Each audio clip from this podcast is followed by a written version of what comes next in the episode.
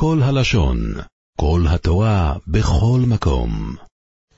ברשות ידידיי, מוריי ורבותיי, מתחילים חומש חדש בעזרת השם, בסייעתא דשמיא, חומש שמות, חומש הגלות והגאולה, כך נקרא בלשונו של הרמב"ן, והחומש פותח בגלות מצרים. גלות מצרים והשליחות שמטיל הקדוש ברוך הוא על משה רבינו ללכת לגאול את עם ישראל.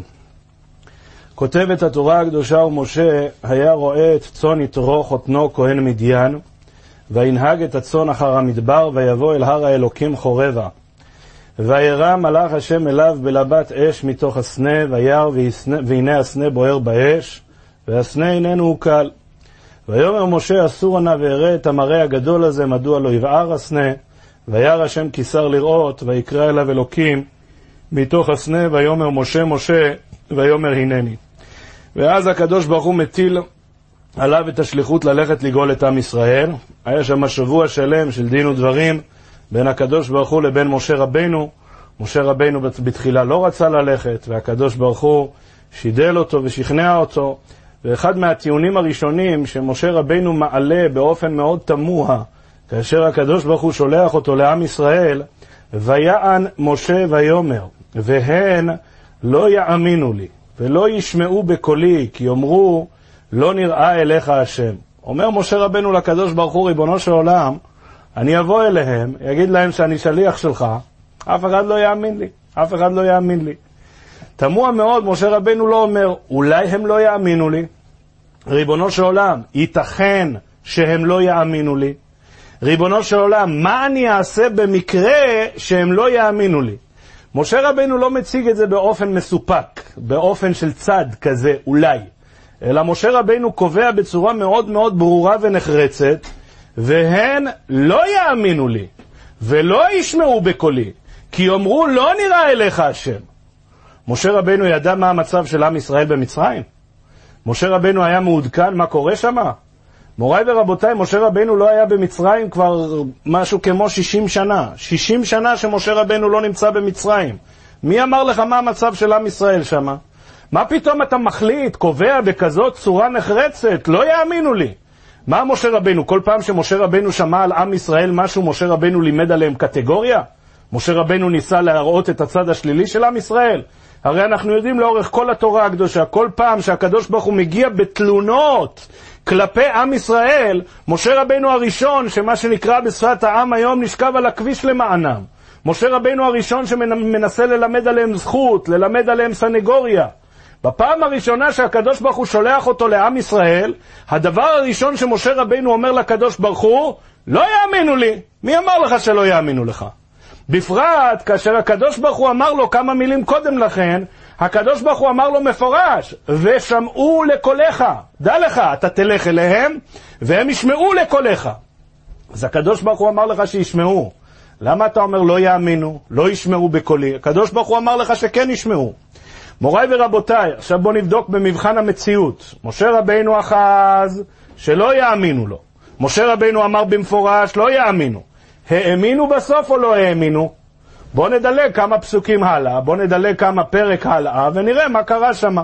אומרת התורה הקדושה, וילך משה ואהרון, ויאספו את כל זקני בני ישראל, וידבר אהרון את כל הדברים אשר דיבר השם אל משה, ויעש האותות לעיני העם, ויאמן העם, וישמעו כי פקד השם את בני ישראל וכי ראה את עוניים, ויקדו וישתחוו. האמינו או לא האמינו? האמינו. אז לא הבנתי, גם במציאות אתה רואה שכן האמינו, זאת אומרת, אתה רואה שהחשש היה חשש שווא. אז למה משה רבינו אמר בצורה כל כך ברורה ונחרצת, ריבונו של עולם, לא יאמינו לי, לא ישמעו בקולי? למה משה רבינו מלמד עליהם קטגוריה, כאשר משה רבינו, הרועה הנאמן, תמיד היה מלמד זכות על עם ישראל? זו השאלה. מוריי ורבותיי, כפי שאנחנו יודעים, משה רבינו באמת נענש על כך. הקדוש ברוך הוא, איך?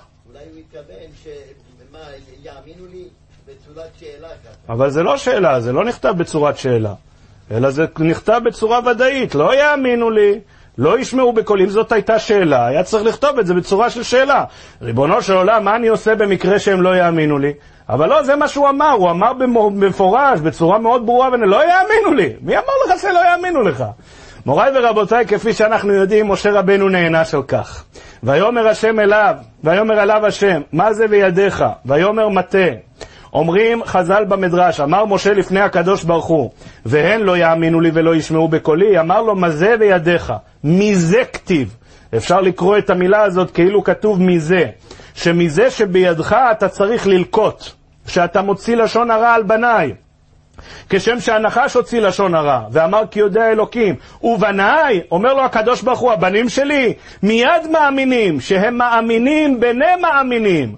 מאמינים דכתיב ויאמן העם, בני מאמינים, בנם של אברהם, בניהם של אברהם, יצחק ויעקב, דכתיב והאמין בהשם.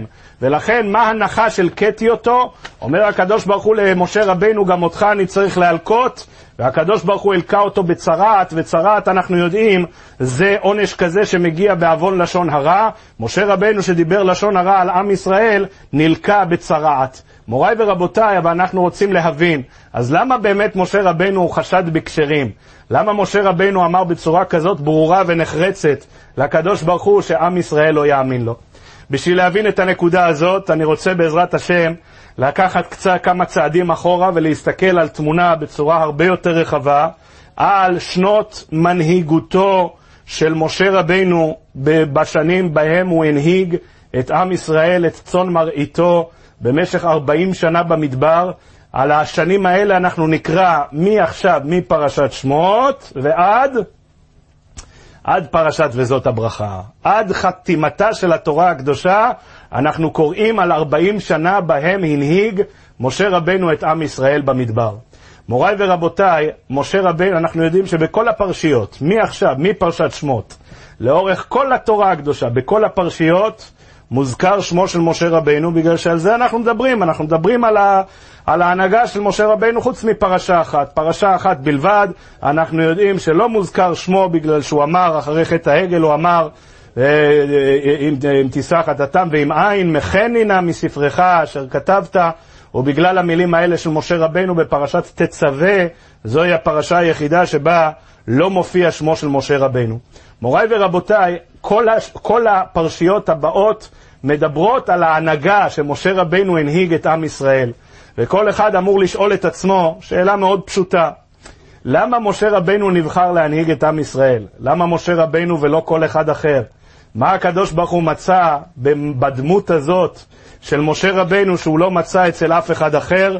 זה דבר שכל אחד צריך לשאול את עצמו, והיסוד כפי שהוא מופיע בדברי חכמינו זיכרונם לברכה, זה יסוד שצריך לדבר עליו בפרט בתקופה הזאת. תקופה לא פשוטה לעם ישראל, שכבר שלוש, שלושה חודשים שעם ישראל נמצא בתוך מלחמה, ויש יסוד מאוד חשוב שצריך לדבר עליו, וחכמינו זיכרונם לברכה מלמדים אותנו שהיסוד הזה זה היסוד שמלווה את דמותו של משה רבנו. מוריי ורבותיי, ויהי בימים הרבים ההם, וימות מלך מצרים, ויענחו בני ישראל מן העבודה, ויזעקו. שואלים חז"ל, מה זה ויהי בימים הרבים ההם? איזה ימים רבים? על מה אתה מדבר? ויהי בימים הרבים. על איזה ימים אתה מדבר? לא דיברת על שום דבר. כשאתה אומר הימים הרבים ההם, איזה ימים רבים? כותב הרמב"ן, אני רוצה להקריא את לשונו של הרמב"ן, ולפי דעתי, כי טעם הכתוב הזה ירמוז על הימים שהיה משה בורח מפני פרעה. כי באמת בנעוריו ברח, שהכתוב אמר ויגדל משה ויצא אל אחיו, שהיה זה מיד כאשר גדל ועמד על דעתו. אנחנו יודעים שאת שנות הילדות שלו משה רבינו העביר בבית של ארמון פרעה, מלך, בארמון של פרעה מלך מצרים, ויהי בימים, ויגדל משה ויצא אל אחיו, בן כמה היה משה רבינו כשהוא גדל ויצא אל אחיו? התורה לא כותבת במפורש, חז"ל אומרים לנו שזה הוא היה כשהוא היה בערך נער בגיל בר מצווה, בן 12 או בן 13, ויגדל משה ויצא אל אחיו. והגידו לו כי הוא יהודי ונחשף לראות סבלות אחיו ועמלם ולחצם. וביום ההוא שיצא, היכה את המצרי. וביום השני הלשינו עליו, דתן ואבירם שמה, שני אנשים עיוורים ניצים, ויאמר לרשע למה תכה רעך, הלשינו עליו וברח. הנה היה כבן 12 שנה, כאשר הזכירו רבותינו, ועל כל פנים לא הגיע ל-20. אומר הרמב"ן, דע לך, שמה שלא יהיה, הוא היה בחור צעיר יותר מאשר בחור בן 20. ובעומדו לפני פרעה היה בן 80. כאשר הוא הגיע בפעם הבאה, הקדוש ברוך הוא שלח אותו, זה התורה הקדושה כותבת במפורש, הוא היה בן 80. נו, אז כמה חסר לך? אם הוא עזב בגיל 12 או בגיל 20 מקסימום, עכשיו הוא בגיל 80, כמה חסר לך? חסר לך 60 שנה. מוריי ורבותיי, מה היה ב-60 שנה האלה עם משה רבנו? מישהו יודע? מאיפה אתה יודע? אה, כל מיני מדרשים, כל מיני עניינים. תגיד לי, למה התורה לא כותבת את זה? היה מלך במדיין, כן, חז"ל מלמדים אותנו כל מיני דברים, במדרשים, בספר הישר, יש כל מיני עניינים שכותבים חז"ל. למה התורה לא כותבת את זה? אומר הרמב"ן, אומר הרמב"ן, והקרוב כי בסוף הזמן בא למדיין ונשא ציפורה, כי כשהיה לו הדיבור הזה, עדיין לא הוליד ממנה רק בנו הבכור גרשום. אבל לא הזכיר הכתוב בבריחתו רק וישב בארץ מדיין וישב על הבאר. אומר הרמב"ן עכשיו משפט מאוד חשוב, כי לא נתחדש בימים האחרים עניין שיצטרך הכתוב לספרו. אומר הרמב"ן, מה אתה חושב? תורה זה ספר סיפורים? אה? חסר לך ספרים? תלך לספרייה, בעזרת השם יש שם הרבה ספרים של הרבה סופרים, חלק יותר מוצלחים, חלק פחות מוצלחים. יש לך הרבה, אתה יכול לקרוא הרבה. התורה זה לא ספר סיפורים. התורה מלמדת אותנו מה שאתה צריך לדעת, מה שנצרך לנצח נצחים. וכל מה שחקוק באותיות הנצח של התורה הקדושה, זה תורה מלשון הוראה. אבל מה שלא כתוב, מה שלא כתוב, אומרת התורה, אתה לא צריך לדעת, אני לא כותבת לך סתם דברים. אומר הרמב"ן, ויהי בימים הרבים ההם, כל השישים שנה האלה אין שום דבר שאתה צריך לדעת עליו. כל מה שהיית צריך לדעת עליו נכתב עד כה, וכל מה שתצטרך לדעת ייכתב מכאן ואילך. אבל מה שהיה בינתיים, בינתיים זה לא מעניין, כי זה לא חשוב לך לדעת. מוריי ורבותיי, כותב הסבא מקלם, אם כך, מה שהתורה הקדושה כן כתבה, פירושו של דבר שזה מה שאתה צריך לדעת. אז התורה הקדושה על משה רבנו, לפני שהוא נבחר להיות המנהיג של עם ישראל, לפני שהוא נבחר לראות את צאן מרעיתו של הקדוש ברוך הוא, התורה הקדושה כותבת לך שתי סיפורים מאוד קצרים, מאוד קצרצרים. אומר הסבא מקלם, ושתי הסיפורים האלה אלה שתי הסיפורים החשובים שהתורה כתבה, כי את הסיפורים האלה אתה צריך לדעת. ובסיפורים האלה מונח היסוד למה נבחר משה רבנו להנהיג את עם ישראל. כותבת התורה הקדושה, ויהי בימים ההם, ויגדל משה, ויצא אל אחיו, וירא בסבלותם. כותב רש"י, מה זה ויגדל משה? והלא כבר כתיב ויגדל הילד. מה זה ויגדל משה? מה זה ויגדל משה? אומרים חז"ל במדרש, וכי אין הכל גדלים, ויגדל משה. למה לא הבנתי? אלה שהיו בשכבת הגיל שלו לא גדלו, נשארו, נשארו קטנים, כולם גדלים. מה התורה באה ללמד אותי ויגדל משה?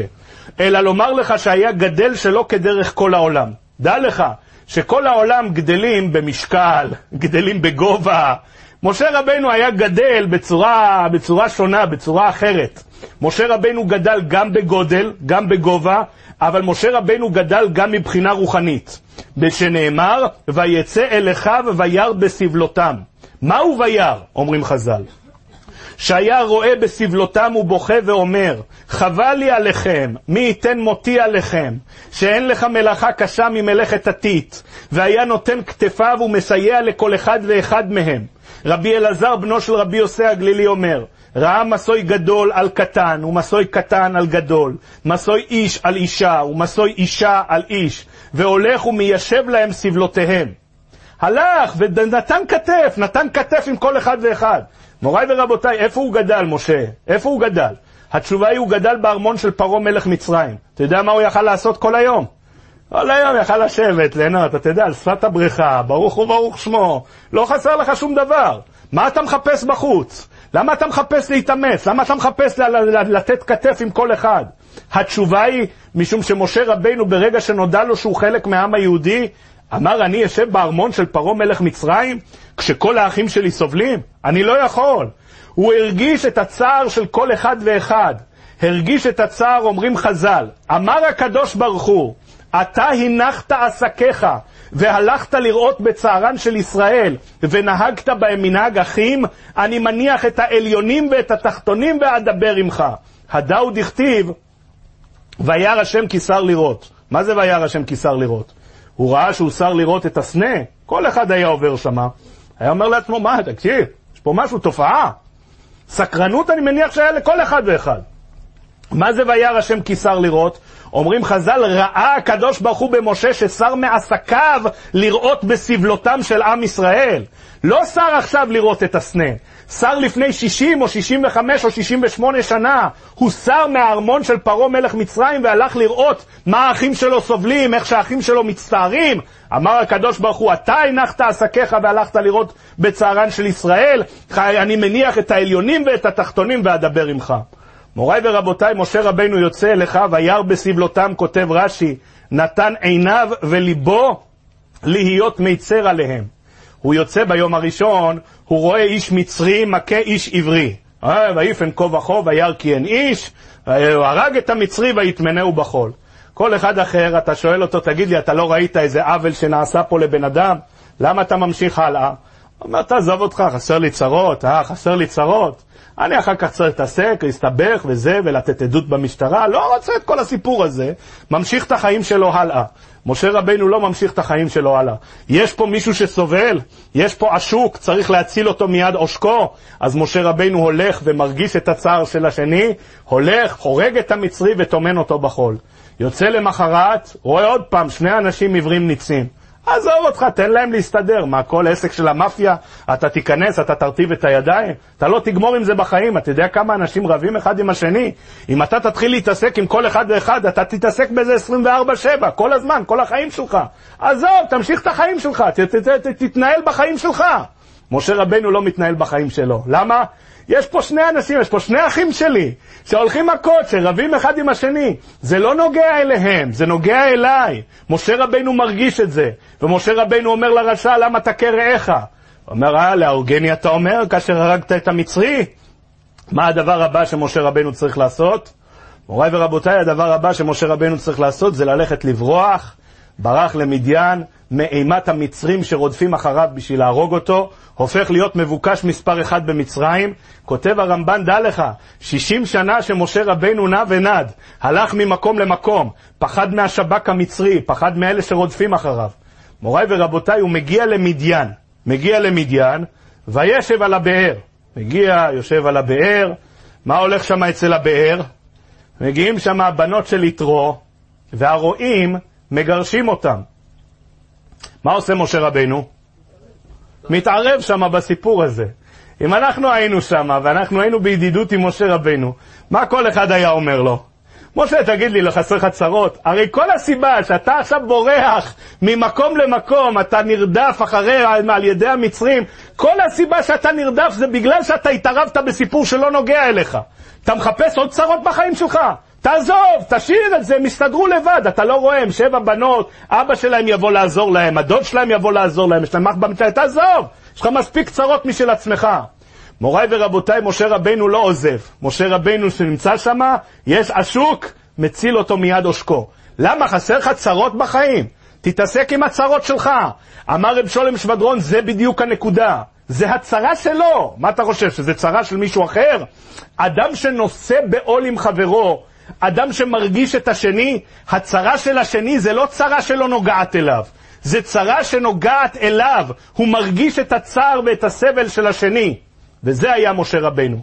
כותב הסבא מקלם, התורה הקדושה מגלה לנו על משה רבנו לפני שמשה רבנו הופך להיות מנהיג של עם ישראל, היא מגלה לך דבר אחד בלבד.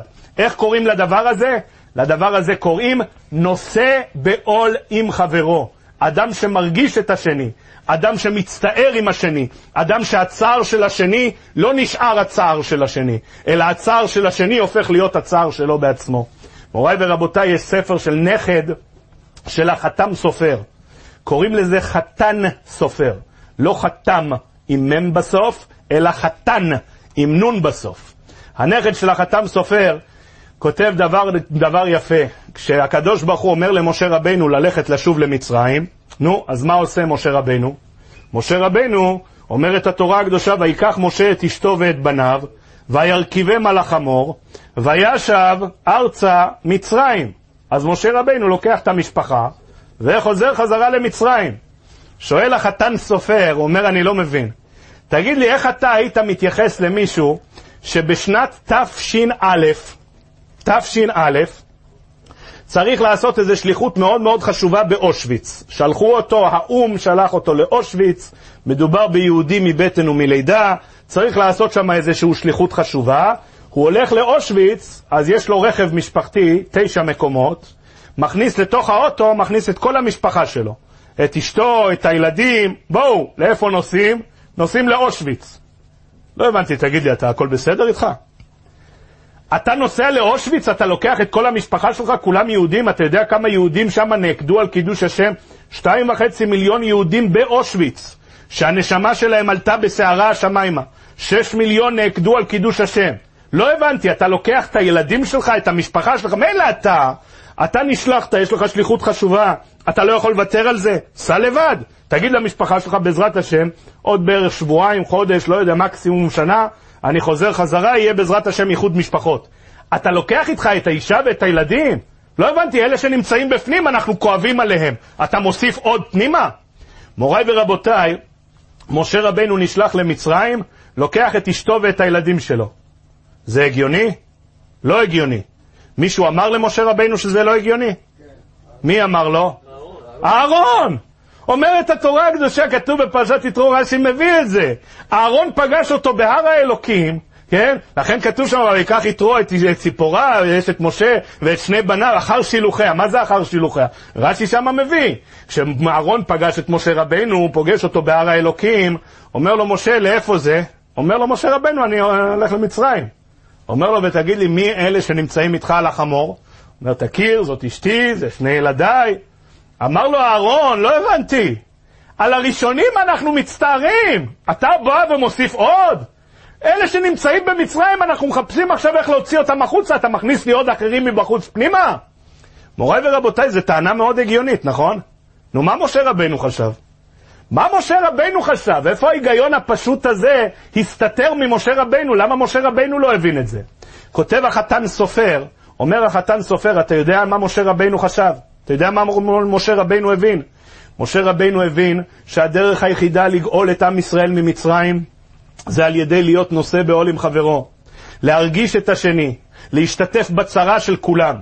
מוריי ורבותיי, אתה לוקח שתי נשים, שתי אימהות, אימא אחת הבן שלה נמצא בתוך עזה, ואימא אחת הבן שלה נמצא מחוץ לעזה. תגיד לי, שתי האימהות האלה ישנות אותו דבר בלילה? לא, מה פתאום. האימא שהבן שלה נמצא בתוך עזה לא ישנה דקה אחת בלילה, והאימא שהבן שלה לא נמצא בתוך עזה ישנה שנת ישרים. מוריי ורבותיי, אתה לא יכול להתייעץ, זה, לא אותו דבר, אומר משה רבנו, אם אני רוצה להרגיש בצערן של ישראל, אני צריך לקחת את הילדים שלי ולהכניס אותם לתוך עזה. אני אקח את אשתי והילדים ואכניס אותם לתוך מצרים, וככה אני ארגיש את הסבל של כל עם ישראל. זה מה שחשב משה רבנו. אמר לו אהרון, אהרון לא חלק על הגישה הזאת. כותב הספר חתן סופר, אמר לו אהרון, על הראשונים אנחנו מצטערים. מה הפירוש? אם באמת היית חי מנותק ולא היית מצליח להרגיש בצערם של ישראל, אז ברמת העיקרון אתה צודק לחלוטין. אבל מאחר ואנחנו, יש לנו את המידה הזאת של נושא בעול עם חברו, אנחנו מרגישים בצערן של ישראל. על הראשונים אנחנו מצטערים, אז אתה לא צריך להכניס את אשתך ואת הילדים פנימה. מוריי ורבותיי, מלמדים אותנו רבותינו, זה היסוד. היסוד הוא להיות נושא בעול עם חברו. את היסוד הזה, שמי שרוצה להנהיג את עם ישראל ולגאול את עם ישראל, שהוא חייב, מוכרח שתהיה בו המידה הזאת של נושא בעול עם חברו, אומרים רבותינו, אתה יודע מי הבין? הבין לא רק משה רבנו, אתה יודע מי עוד הבין? הבין אפילו פרעה מלך מצרים. כך כותב רבי יונתן אייבשיץ. אומר רבי יונתן אייבשיץ, איפה אנחנו מוצאים שפרעה מלך מצרים מבין את זה? פשוט מאוד. אומר כפי שאנחנו יודעים, שבט לוי, שבט לוי לא היה בעבודת פרך. שואל רבי יונתן אייבשיץ, תגיד לי, למה שבט לוי לא היה בעבודת פרך? למה הוא לא היה חלק מהשיעבוד? למה שבט לוי ישב שם בבית המדרש, ישב ולמד כאילו כל החיים... מה, מי, ניתק אותם מכל הסיפור הזה של עבודת פרך? פרעה פטר את הכהנים. למה פרעה פטר את הכהנים? כי הכהנים שלו מה? מה אתה חושב, שפרעה היה יותר צדיק מהשמאל של היום? מה? יש היום יהודים פה בארץ ישראל שרוצים לסגור ישיבות, רוצים לסגור כוללים. למה? פרזיטים, לכו תעבדו, לכו תעשו, לכו תעשו צבא. זה היום יהודים בארץ הקודש. מה אתה אומר? פרעה היה יותר צדיק מהם. פרעה לא רצה לגעת באברכים. הם יושבים ולומדים, לא, אל תיגע בהם. תן להם לשבת וללמוד. מוריי ורבותיי, כל אחד מבין שפרעה לא היה צדיק כזה גדול. למה פרעה לא גזר שיעבוד גם על שבט לוי? כותב רבי יונתן אייבשיץ, אני קורא את לשונו, כי פרעה ראה בקסם, הוא ראה על ידי ההצטגנינים שלו, כי משבט לוי יקום המושיע. ופרעה חשב, מי שאינו בצרה, אינו יכול להושיע. כי נוצר תאנה יאכל פריה, רק מי שסבל גלות יהיה אחר כך לראש. ולכך לא שיעבד בשבט לוי, לוי כלל, ולא יוצדק להקים משבט לוי מושיע. מוריי ורבותיי, כותב רבי יונתן אייבשיץ, רבי יונתן אייבשיץ, כותב רבי יונתן אייבשיץ, פרעה ידע שהמושיע אמור לקום משבט לוי. אמר פרעה, אז אתם יודעים מה? תוציאו את שבט לוי מהמשחק. אל תגזרו עליו שיעבוד, אם אין עליו שיעבוד, הם לא מרגישים את הצרה, מי שלא מרגיש את הצרה, לא יוכל, לא יוכל לקום ולהושיע את עם ישראל. מוריי ורבותיי, מה הייתה הטעות של פרעה? הטעות של פרעה הייתה של שבט, ששבט לוי לא היה מחוץ לצרה. אתה יודע איפה אני יודע את זה? השלה הקדוש כותב לנו דבר נפלא. אומר השלה הקדוש, כשנקרא בעזרת השם פרשת וירא, שם התורה הקדושה מייחסת את משה ואת אהרון, לצורך כך היא מתחילה ראובן, שמעון, לוי, כדי לייחס את משה ואת אהרון. אומר השלה הקדוש, אבל תשים לב דבר מעניין. כותבת התורה כך: אלה ראשי בית אבותם, בני ראובן, בכור ישראל, חנוך ופלוך, חצרון וכרמי, אלה משפחות ראובן. ובני שמעון, ימואל וימין ואוהד ויכין וצוחר ושאול בן הכנענית, אלה משפחות שמעון. ואלה שמות בני לוי לתולדותם, גרשון וקהת ומררי. שואל השלה הקדוש, למה כשאנחנו מגיעים לשבט לוי, התורה כותבת ואלה שמות בני לוי? למה היא לא כתבה ואלה שמות בני ראובן? למה היא לא כתבה ואלה שמות בני שמעון? מגיעה ללוי ואלה שמות בני לוי. הרי גם אצל ראובן דיברנו על הבנים שלו, גם אצל שמעון דיברנו על הבנים שלו. לא נתנו פתיח כזה ואלה שמות. כותב השלה הקדוש, העניין הוא כי שבט לוי לא היה בגלות, ולוי ידע דבר זה ורצה להשתתף בצרת הציבור. מה אתה חושב, שלוי חי לו איזה, באיזה מקום מנותק? אמר ברוך השם, הצרה הזאת לא נוגעת אליי? ממש לא. הוא רצה להשתתף בצרת הציבור. מה עשה? קרא שמות לבניו על שם הגלות. דהיינו שם גרשון על שם כי גרים הם בארץ לא להם, ושם קהת על שם שיניהם קהות, ושם מררי על שם וימררו את חייהם.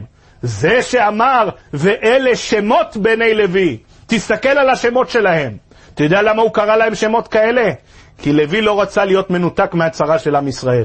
לוי אמר, נכון שאנחנו יושבים בבתי המדרש, נכון שאנחנו, ברוך השם, לא נמצאים בתוך השיעבוד, נכון שאנחנו לא נמצאים בתוך עזה, אבל אני לא יכול להיות מנותק מהצרה של עם ישראל.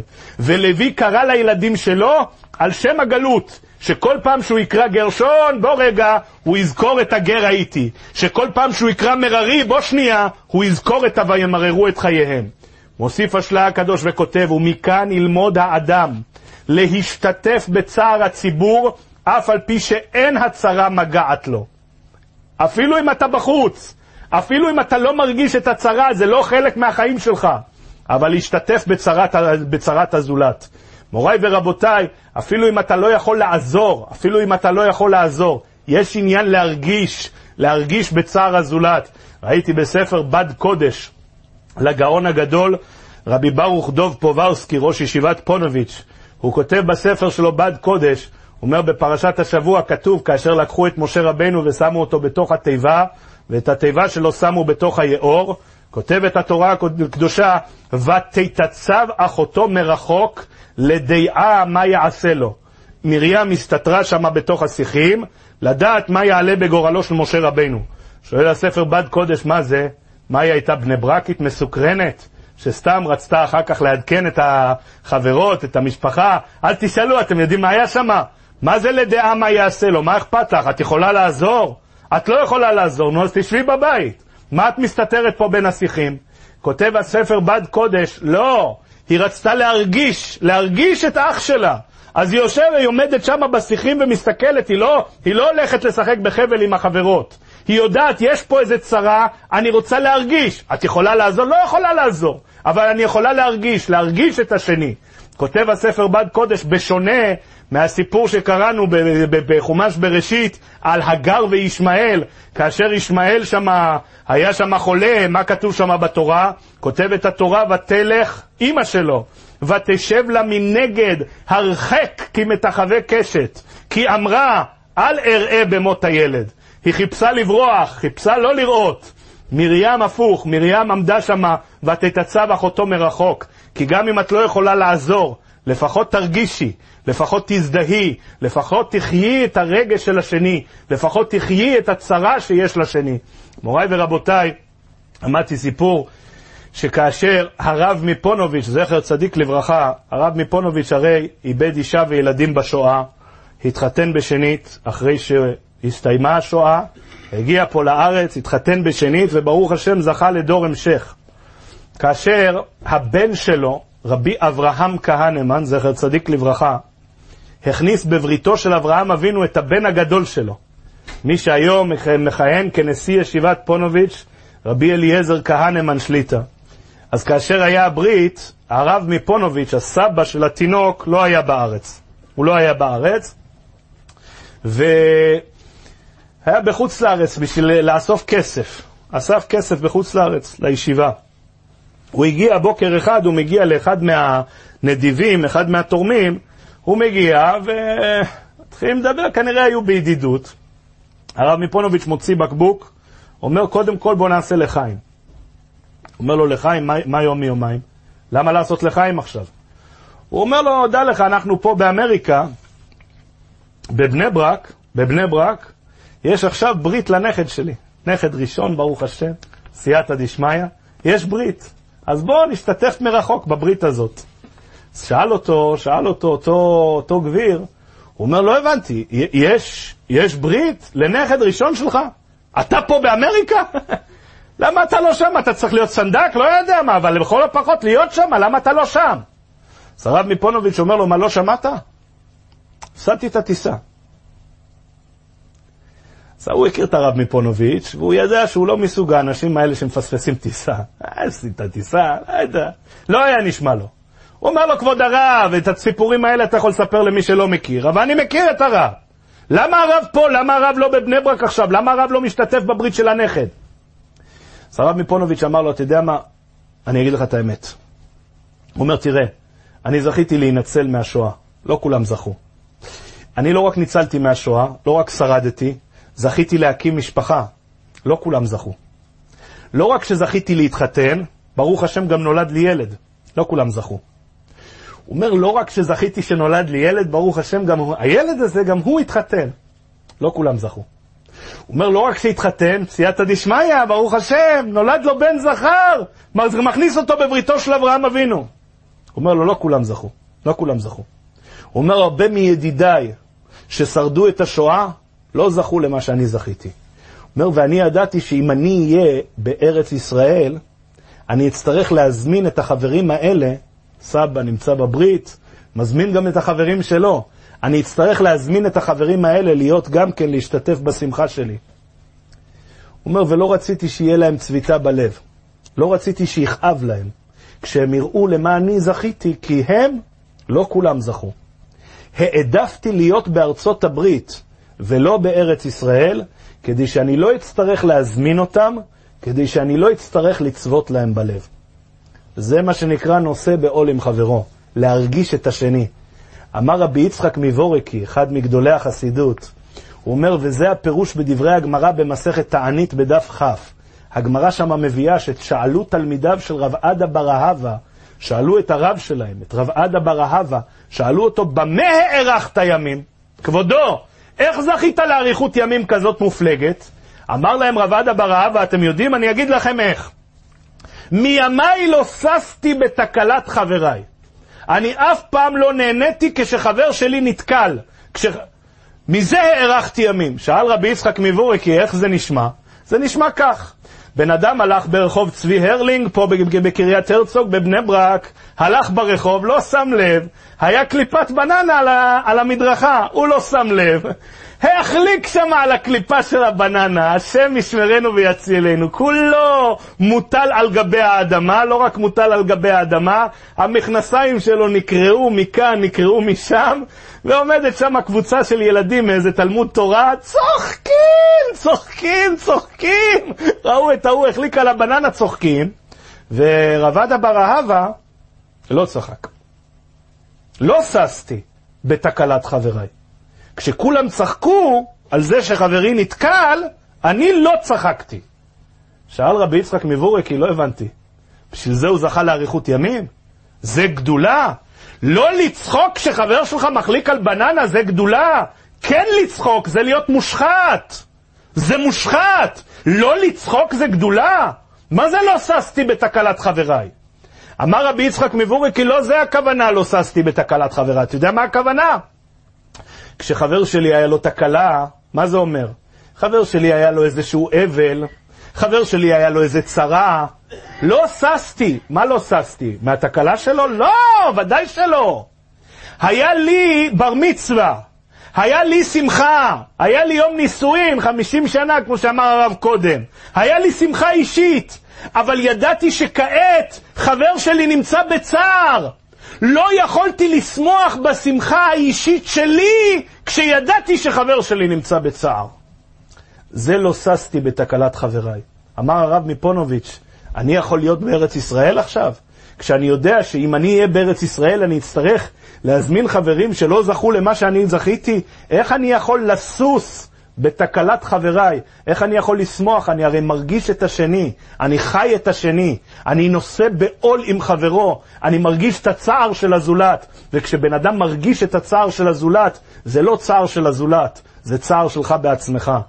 הוריי ורבותיי, רבי ינקלה גלינסקי, זכר צדיק לברכה, סיפר, ככה הוא כותב באחד מהספרים שלו, סדרת הספרים הנפלאה והגדת, הוא כותב שבשנות מלחמת העולם השנייה, בשואה, אז היה שם פולין, נכבשה חלק על ידי גרמניה, חלק על ידי רוסיה. והיו הרבה פליטים שהגיעו לליטא, ליטא הייתה מקום יחסית בטוח, הוא הגיע לליטא, הגיע לווילנה, וילנה. וילנה, הרב של וילנה, היה הגאון הגדול רבי חיים אויזר גרוג'ינסקי, זכר צדיק וקדוש לברכה, קודש קודשים, גאון הגאונים. ורבי ינקלה גלינסקי היה, בת... אמר, הגעתי לווילנה, רצה להיכנס, לרב חיים אויזר גרוג'ינסקי רצה להיכנס אליו פנימה. רק הוא היה, אז הוא ביקש שם ממישהו שהיה מקושר ויכל להכניס אותו. בקיצור, אמר לו מחר, תבוא ב-11 בבוקר, אני אכניס אותך פנימה לחדר של רבי חיים מויזר גרוג'ינסקי. רבי ינקלה גלינסקי אמר, הוא היה כל כך במתח כל הלילה, הוא עומד להיפגש עם גדול הדור. הוא אומר, גדול הדור, בטח אני אכנס אליו לחדר, ישאל אותי שלוש שאלות, אין ספק, שלוש שאלות הוא ישאל אותי. א', מה אתם לומדים? ב', מה חידשת? ג', מה עוד חידשת? אז לכן הוא לקח את הסוגיה, הם למדו שם יבמות, התחלת מסכת יבמות, 15 נשים פותרות צרותיהן וצרות צרותיהן, למדו מסכת יבמות, הוא אמר כל הלילה הוא שינן את כל הסוגיה, את כל הדף גמרא הזה, שינן ושינן ושינן, שכשהוא ייכנס פנימה לרב גרוג'ינסקי, שלא, ישבור, שלא ישברו לו השיניים, שלא יגמגם, אלא שידע ישר מה לענות. הוא אמר ב-11 בבוקר הוא הגיע כולו נרגש, כולו רועד, הגיע לזה והכניסו אותו לחדר של רב חיים מויזר גרוג'ינסקי. הוא אומר, ובדיוק כמו שחשבתי, רב חיים מויזר גרוג'ינסקי שאל אותי שלוש שאלות, שלוש שאלות הוא שאל אותי. הוא אומר, שאלה ראשונה הוא שאל אותי, מתי הפעם האחרונה שקיבלתי מכתב או מברק מההורים שלי? מתי הפעם האחרונה שהיה לי קשר עם ההורים? עניתי לו שכבר חצי שנה שלא היה שום קשר. ורב חיים מויזר נורא נורא הצטער לשמוע את זה. שאלה שנייה, הוא שאל אותי האם יש לי שמיכה, לא שמיכה לרבנות. שמיכה לא בסמך, שמיכה בסין. האם יש לי מה להתכסות בלילה? הוא לא שאל אותי אם יש לי מיטה, כי לאף אחד לא היה מיטה. אנשים התמקמו על ספסלים בבתי כנסת, אלה כל הפליטי מלחמה על ספסלים בבית כנסת, אבל לכל הפחות שמיכה, שיהיה במה להתכסות. הוא שאל אותי אם יש לי שמיכה, אמרתי לו שכן, ברוך השם יש לי. והשאלה השלישית שהוא שאל אותי, הוא ביקש ממני להרים קצת את המכנסה, שרוול של המכנסיים, כדי שהוא יראה את הנעליים שלי. והוא ראה שהנעליים שלי קרועות מכל כיוון אפשרי. הוציא, פתח את המגירה של השולחן שלו, הוציא משם השטר ואמר לי, אתה רגע הולך לסנדלר וקונה לעצמך נעליים חדשות, אתה לא יכול להסתובב עם נעליים כאלה קרועות באמצע החורף. מוריי ורבותיי, אמר רבי ינקה לגלינסקי, ואז למדתי מה זה גדול הדור. גדול הדור לא שואל אותך על צרותיהן וצרות צרותיהן של היבמות ממסכת יבמות.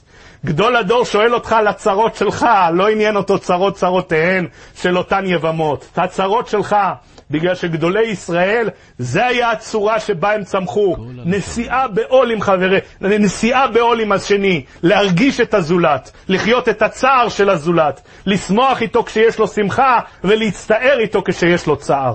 מוריי ורבותיי, אומר הסבא מקלם, זה מה שהתורה הקדושה מספרת לנו על משה רבינו.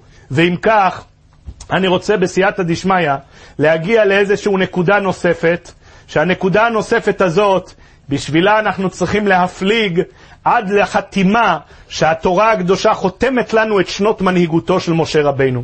אבל בשביל זה אני רוצה להקדים איזושהי הקדמה. ישנה הלכה בשולחן ערוך. ההלכה בשולחן ערוך כותב, כותב השולחן ערוך בסימן קל"ח. יש, כותב, כותב השולחן ערוך כך, ויכוון שיתחיל תמיד לקרוא בדבר טוב ויסיים בדבר טוב. אדם בקריאת התורה צריך להתחיל מדבר חיובי ולסיים בדבר חיובי. ככה אנחנו נוהגים. תמיד אנחנו נוהגים, ואיפה שאנחנו נוהגים אחרת, כל פעם צריך לשאול, וכל פעם יש כאלה ששואלים. על כל החתימות של הפרשיות, אם זה נדמה לנו כדבר לא, תמיד יש מי ששואל.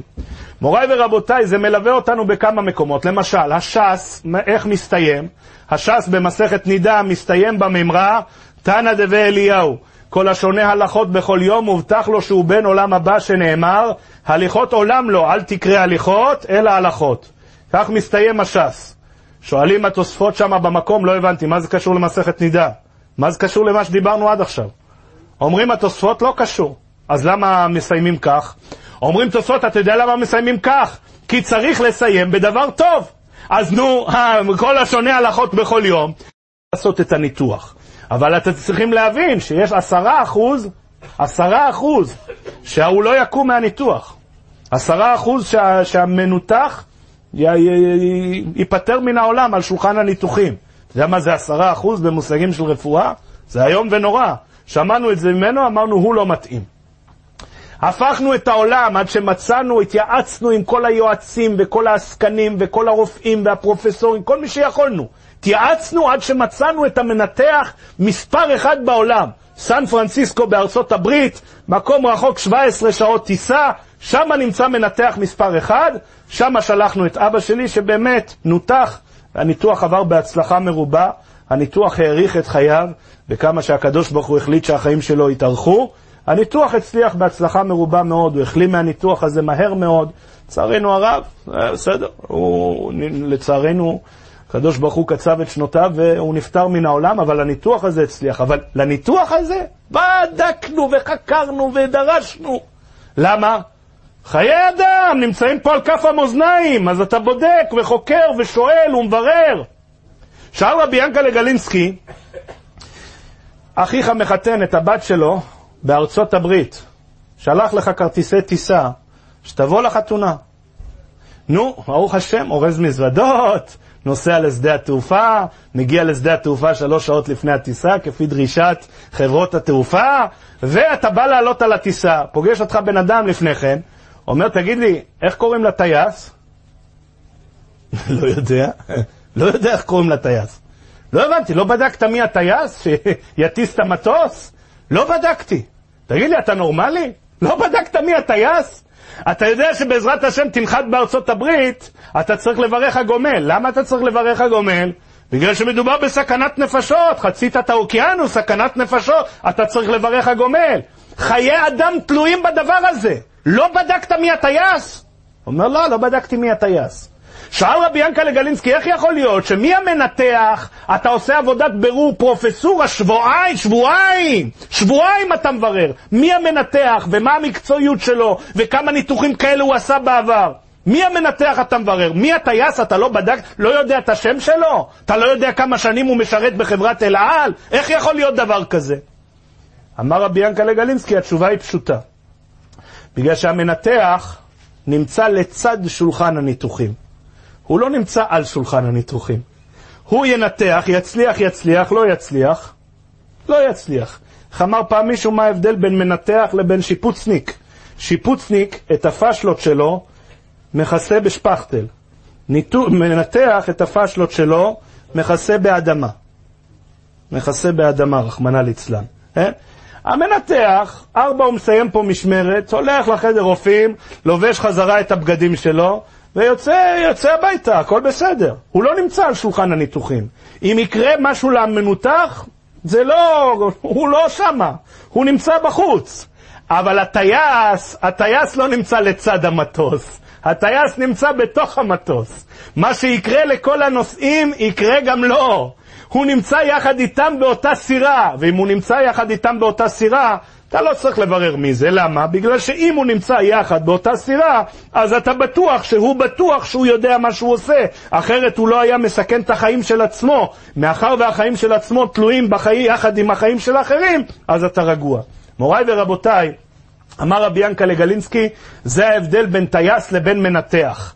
מוריי ורבותיי, כותבים לנו הספרים, כך כותב הספר כתם אופיר לרבי צחוק אייזיק מקומרנה, זכר צדיק לברכה, בפירוש שלו על מגילת אסתר, פרק ד', פסוק י"ז. מצאתי את זה גם בספר שנקרא טירת כסף, ספר שנכתב לפני כשלוש מאות שנה. מצאתי את זה בצורה מרומזת, כותב את זה גם רבי צדוק הכהן מלובלין, בספרו צדקת הצדיק, אות קנ"ו, קנ"ד, סליחה. כולם כותבים את אותו רעיון וזה הרעיון. מוריי ורבותיי, משה רבנו, משה רבנו ירד מהר סיני, ירד מהקדוש ברוך הוא, קיבל את הלוחות, הוא יורד למטה והוא רואה שעם ישראל חטא בחטא העגל, הם מסתובבים מסביב לחתיכת מתכת ואומרים, אלה אלוהיך ישראל אשר העלוך מארץ מצרים. אומרת הגמרא, הגמרא במסכת ברכות בדף כ', אומרת הגמרא, כל שאינו מחויב בדבר, אינו מוציא את הרבים ידי חובתם. מה הכוונה? פשטות הכוונה, וזו הכוונה האמיתית, בדרך הפשט. כל מי שהוא לא בר חיובה, לא יכול להוציא אחרים. קטן, קטן לא מחויב. הוא לא יכול להוציא את אלה שמחויבים מן התורה. כל שאינו מחויב בדבר, אינו מוציא את הרבים ידי חובתם. זה הפירוש הפשוט. בספרי החסידות כתוב פירוש נוסף. כל שאינו מחויב בדבר, לא מלשון בר חיובה, אלא כל מי שהוא לא בעצמו אשם, כל מי שלא מוטלת עליו אותה אשמה, כל מי שלא נמצא באותה סירה עם האחרים, אינו מוציא את הרבים ידי חובתן. הוא לא יכול לחלץ את אלה שכן חטאו מתוך מצולות החטא. אומרים הספרים הקדושים, ולכן, כאשר משה רבנו ירד וראה שעם ישראל חטאו בחטא העגל, אתה יודע מה הוא עשה? אה, עכשיו אתה צריך להעלות אותם ממצולות החטא. אבל משה רבנו לא חטא. עם ישראל חטא בעגל, עבד עבודה זרה. משה רבנו לא חטא. אומרים הספרים, אתה יודע מה עשה משה רבנו? שבר את הלוחות. אתה יודע למה הוא שבר את הלוחות? משום שהגמרא במסכת שבת, בדף קה כותבת, תניא, רבי שמעון בן אלעזר אומר משום חילפה בר איגרא שאמר משום רבי יוחנן בן נורי, המקרע בגדיו בחמתו והמשבר כליו בחמתו, יהא בעיניך כעובד עבודה זרה. משה רבינו אומר, רגע, יש פה את צאן מרעיתי שעובד עבודה זרה, ואני לא יכול להיות מנתח, אני חייב להיות טייס, אני חייב להיות איתם באותה סירה, אני לא יכול לעמוד לצד השולחן ולטפל בהם. רק אם אני נמצא יחד איתם באותה סירה, כל המחויב בדבר מוציא את הרבים ידי חובתן. הלך משה רבינו ושבר כלים בחמתו. למה? כדי לקבל על עצמו את הנקודה הזאת של כאילו עובד עבודה זרה. אה, עכשיו אני לא מנתח, עכשיו אני טייס, עכשיו אני נמצא איתם יחד באותה סירה, וכשאני נמצא איתם יחד באותה סירה, אני אוכל להוציא אותם ואני אוכל לחלץ אותם ממצולות החטא. כך כותבים הספרים.